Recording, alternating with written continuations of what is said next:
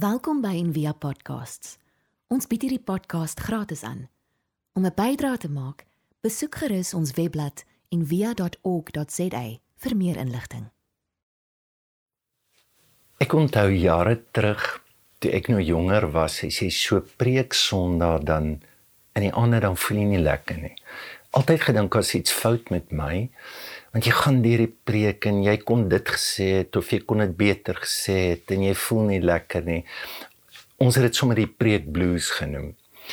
En op 'n dag toe kom professor Archibald Hart um kuier in Suid-Afrika en hy vat toe 300 predikante en hy praat toe oor die preekblues en hy te verduidelik nou um is goed wat in jou liggaam gebeur en daar's 'n paar maniere hoe jy dit kan hanteer. En een van die goed se goeie workout.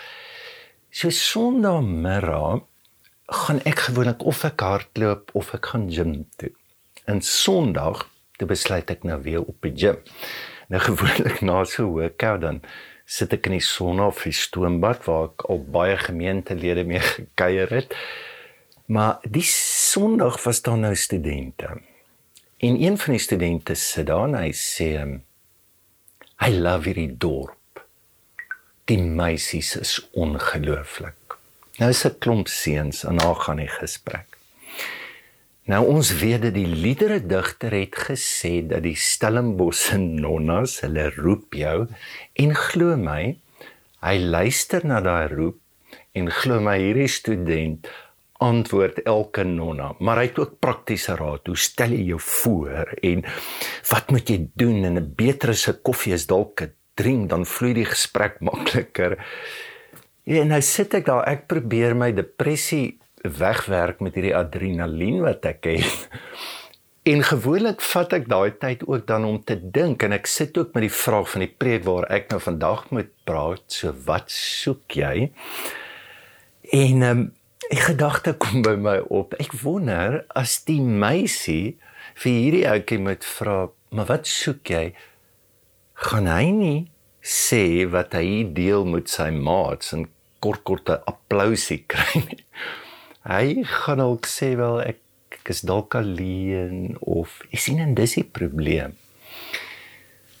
As die vraag gevra word wat soek jy dan sit amper soos 'n ou wat vir jou sê hallo hoe gaan dit en dan die tweede keer sê hy mos vir jou hoe gaan dit regtig met jou?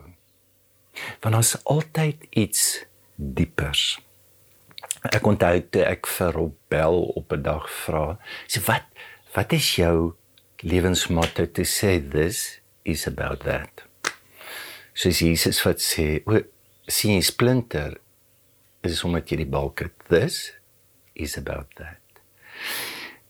Ons praat vandag oor wat soek jy? Is die vraag wat die Here vra vir twee disippels en hy weet wat hulle soek. Hier is die probleem. Ons weet dit nie. As Jesus vir 'n persoon vra, "Maar wil jy gesond word?" Dis 'n lam man. Dink jy hy wil? Dink jy God weet nie? Wat is die moontlikheid dat daar eintlik baie redes en strewes is vir die gesondheid wat jy soek? So, hoekom ons nader aan daai plek. En in die antieke tyd het hulle vuur gebruik om jou begeerte, jou soeke want jy kan hierdie vertaling ook wat soek jy, wat verlang jy, wat wil jy hê, wat begeer jy? En hulle sou dit uitbeeld met 'n vuur, maar hulle sou vir jou sê dis ongelooflik gevaarlik. Spreuke sal sê Wie met 'n hoer omgang speel met vuurige kole in sy skoot. Sy sê beeld. En die Bybel help ons om 'n vergrootglas te gee oor die goed wat ons brand, oor die goed wat ons verlang, oor die goed wat deel is van ons lewe. Nou. Kom ons kom terug na die gedeeltetjie wat ons nou gelees het vandag. Dis Johannes wat 'n storie vertel. Nou baie teoloë sê Johannes gebruik Genesis, hy skryf hom oor. Dan nou, hy begin ook in die begin. En daar's die eerste twee mense in die Bybel. Nou staan die twee nuwe disippels. Dalk wil hy iets. Daar's daar's die mooiste werk gedoen rondom dit. Nou en en kom ons neem maar 'n analogie. So die storie van die eerste mense is mense wat ook verlang en begeer en wat verlang en begeer hulle? Daar kom 'n ontevredenheid oor wie hulle is en hulle wil soos God wees. Dalk om totaal vry te wees. Dalk om meer krag te hê. Dalk ons weet nie presies wat dit is, maar dis die geboorte van hulle strewe is 'n diep godsdienstige een. Dis belangrik. Ons sukkel baie keer om selfs ons godsdienstige verlangens raak te kan sien in ons strewe. So dan ken ons 'n storie. Dit loop verkeerd en wat gebeur? Hulle verloor hulle huis, hulle veiligheid. Hulle moet in die ooste van Eden gaan bly. Dis die storie. Hier kom die volgende storie wat Johannes sê twee disippels en iemand sê hoorie daar's die lam van God en toe hulle dit sien toe begin hulle hom te volg nou is interessant die term lam hy sê nie daar's die leeu van God nie daar sou 'n baie bekende term wees want dit dui op nederigheid dit dui op oorgawe. Die priester sou sy hande lê op 'n bok of op 'n lam en die sonde simbolies oordra van 'n volk. Dis dis iemand wat pyn kan dra en hulle begin om te volg, maar dan vra Jesus die vraag wat soek julle? En ek bedoel, ek sou verwag het hulle sou praat maar hoekom jy nie die leeu van God? Okay, vertel ons wat wat is die lam? Ons sit ons weet iets daarvan. Maar dis nie dit nie. Hulle sê net Here, waar bly jy? Nou waar jy bly is 'n groot ding en 80% van die mense het nie huise gehad nie. Soos Jesus as Jesus leer gaan in jou binnekamer dan is dit regtig nie 'n huis nie. Die mense het nie huise gehad. Dink net vir een oomblik hoe onveilig was dit op die pad. Die storie van die barmhartige Samaritaan so net so buite Jerusalem. Waar jy gaan is gevaar en dink net jy moet slaap maar dis tussen vreemde mense. Dis 'n geweldige ding. Dalk wil hulle net weet is waar bly hy? Ek wonder as ek vol gaan ek ook huis kry of wat. En dan in die huis nooi Jesus hulle en hulle sien waar hy bly, maar dan gebeur daar iets moois. Daar's 'n persoon Petrus en sy naam word verander. Sy naam is Sefas en hy word nou Petrus. So Sefas beteken riet. Hy is bietjie shaky en hy word 'n rots. So die uiterlike verlange, begeerte dalk na veiligheid na huis demonstreer Jesus simbolies na iemand wat veiligheid binne hulle self kry. Dis 'n moontlike interpretasie. Nou die vraag wat soek jy? Dink ek dis belangrik dat ons vir mekaar sê dat God sal dit vra dat ons nader kan kom aan wat ons regtig soek. Maar nou moet ons die eerste ding sê, dis verskriklik belangrik dat ons daai hinkering of daai verlange of dit wat jy begeer erken dat dis hoe jy gemaak is. Dis jou geskaapenheid en as ons engele was, sou ons net dit wat skoon is, wat mooi is, wat ongelooflike is, begeer. Het jy al hierdie vensters in die Bybel gesien van mense wat naby aan hulle lewe kom van 'n engel?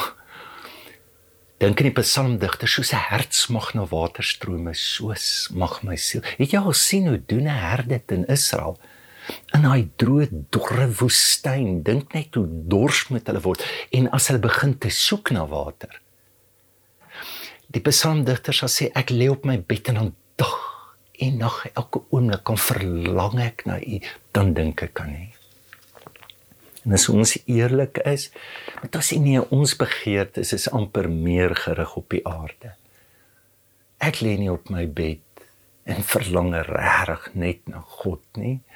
Dis dit dit dis amper ek verlang na ander goed. Ek lê op my bed en dink aan 'n moontlike vakansiehuis. Ek dink aan bekleierery by die werk. Ek dink aan my verhoudings en ek wens ek het 'n ander huwelik gehad of ek wens ek het das baie ander verlangens en wat ek bedoel wat die wetenskap ons leer waarvan die grootste is jou verlange na sielsgenoot en dan na seks.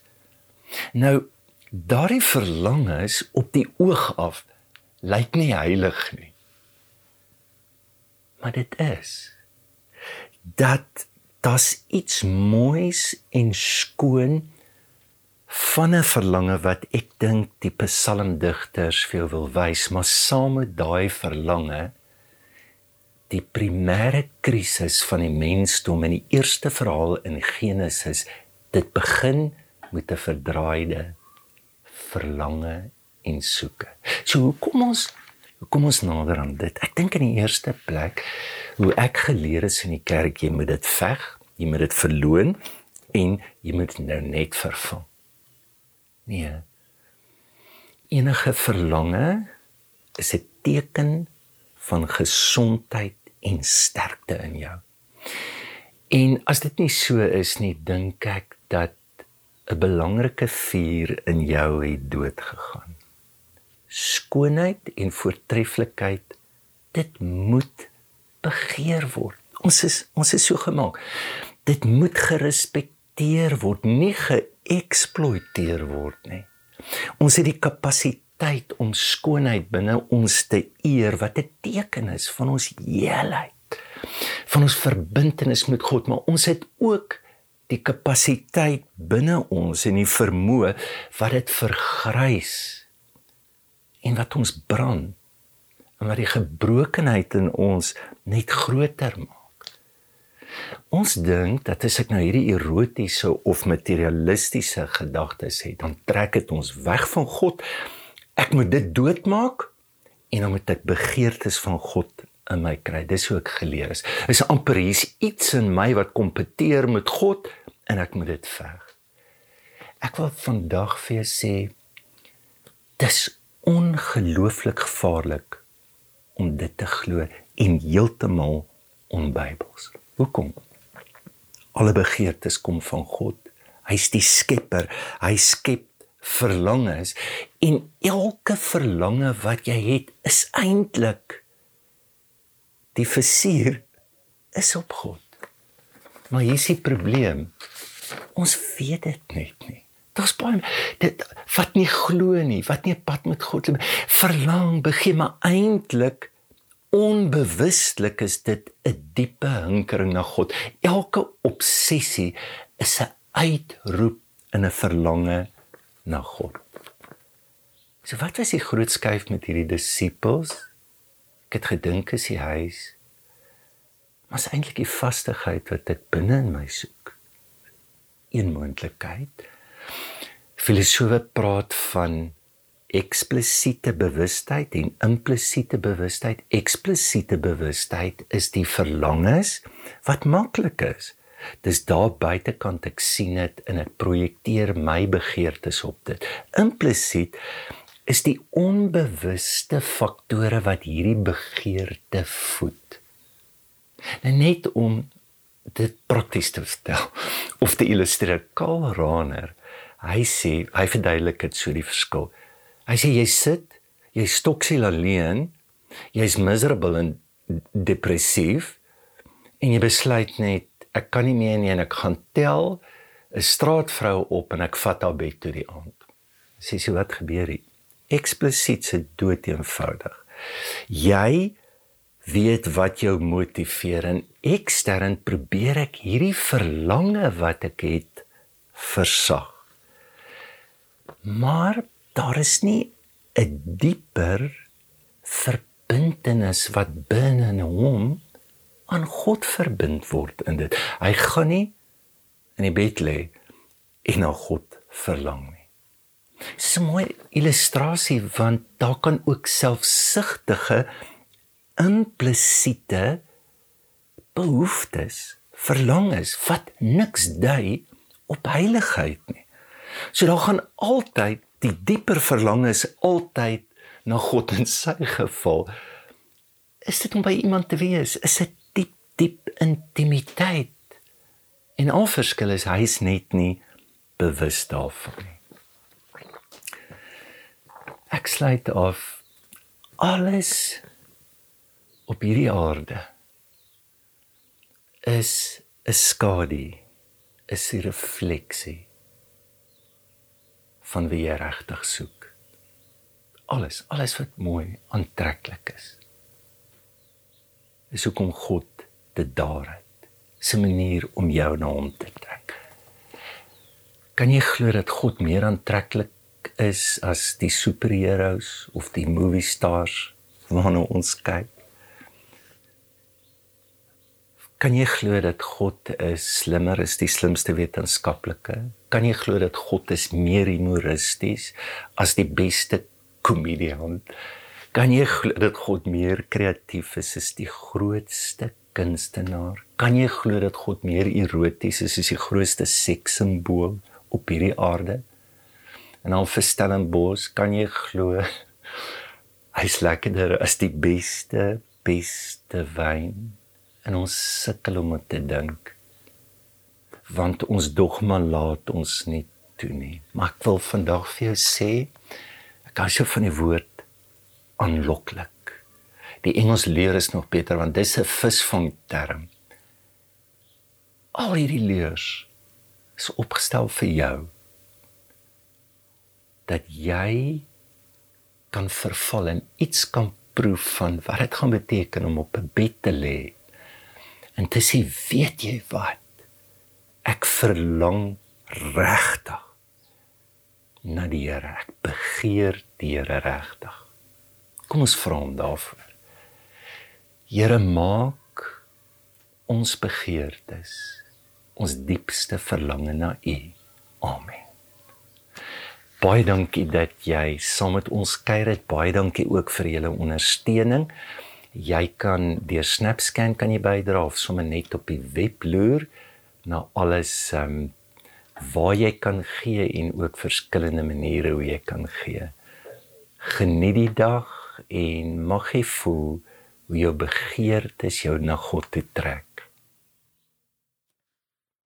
Ons hoop van harte jy het hierdie podcast geniet of raadsaam gevind. Besoek gerus en via.ok.za vir meer inligting.